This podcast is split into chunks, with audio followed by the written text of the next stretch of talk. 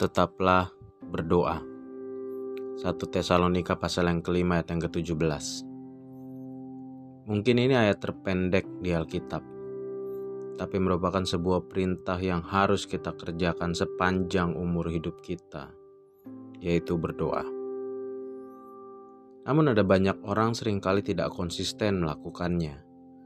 Atau sekalipun konsisten, berdoa hanya menjadi sebuah rutinitas yang harus dilakukan agar hari itu hidup kita terasa lebih lengkap saja.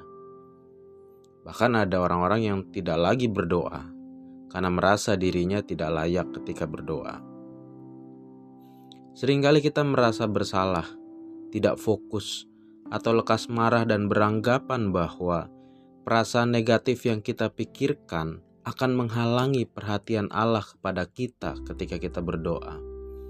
Seolah-olah Allah hanya mendengarkan doa orang baik saja, sehingga akhirnya kita tidak lagi berdoa, dan kita justru berpaling dari satu-satunya sumber pengampunan dan kesembuhan itu sendiri.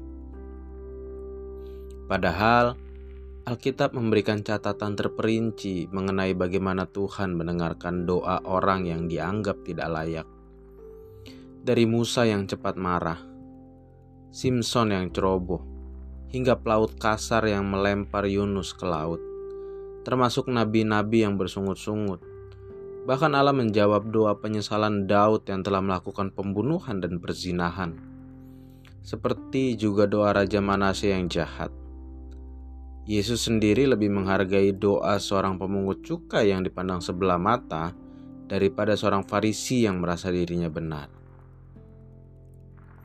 Pertanyaan berikutnya adalah, mengapa kita berdoa? Mengapa kita memanggil Allah?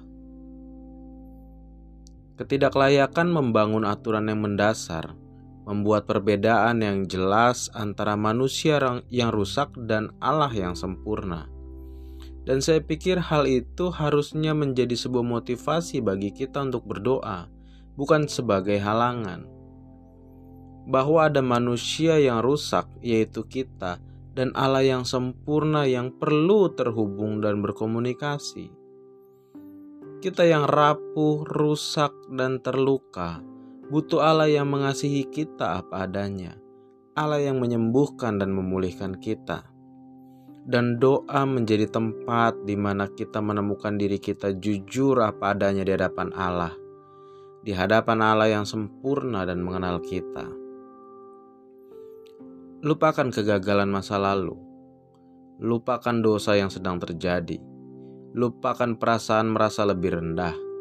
Sebaliknya, buka pikiran kita untuk Allah yang tidak dapat memenuhi kita sebelum kita dikosongkan. Dia mengasihi kita. Kasihnya lebih daripada kasih manusia yang meningkat seiring dengan performa dan menurun seiring dengan kesalahan yang terjadi. Dia mengasihi kita apa pun keberadaan kita. Untuk itu, berdoalah.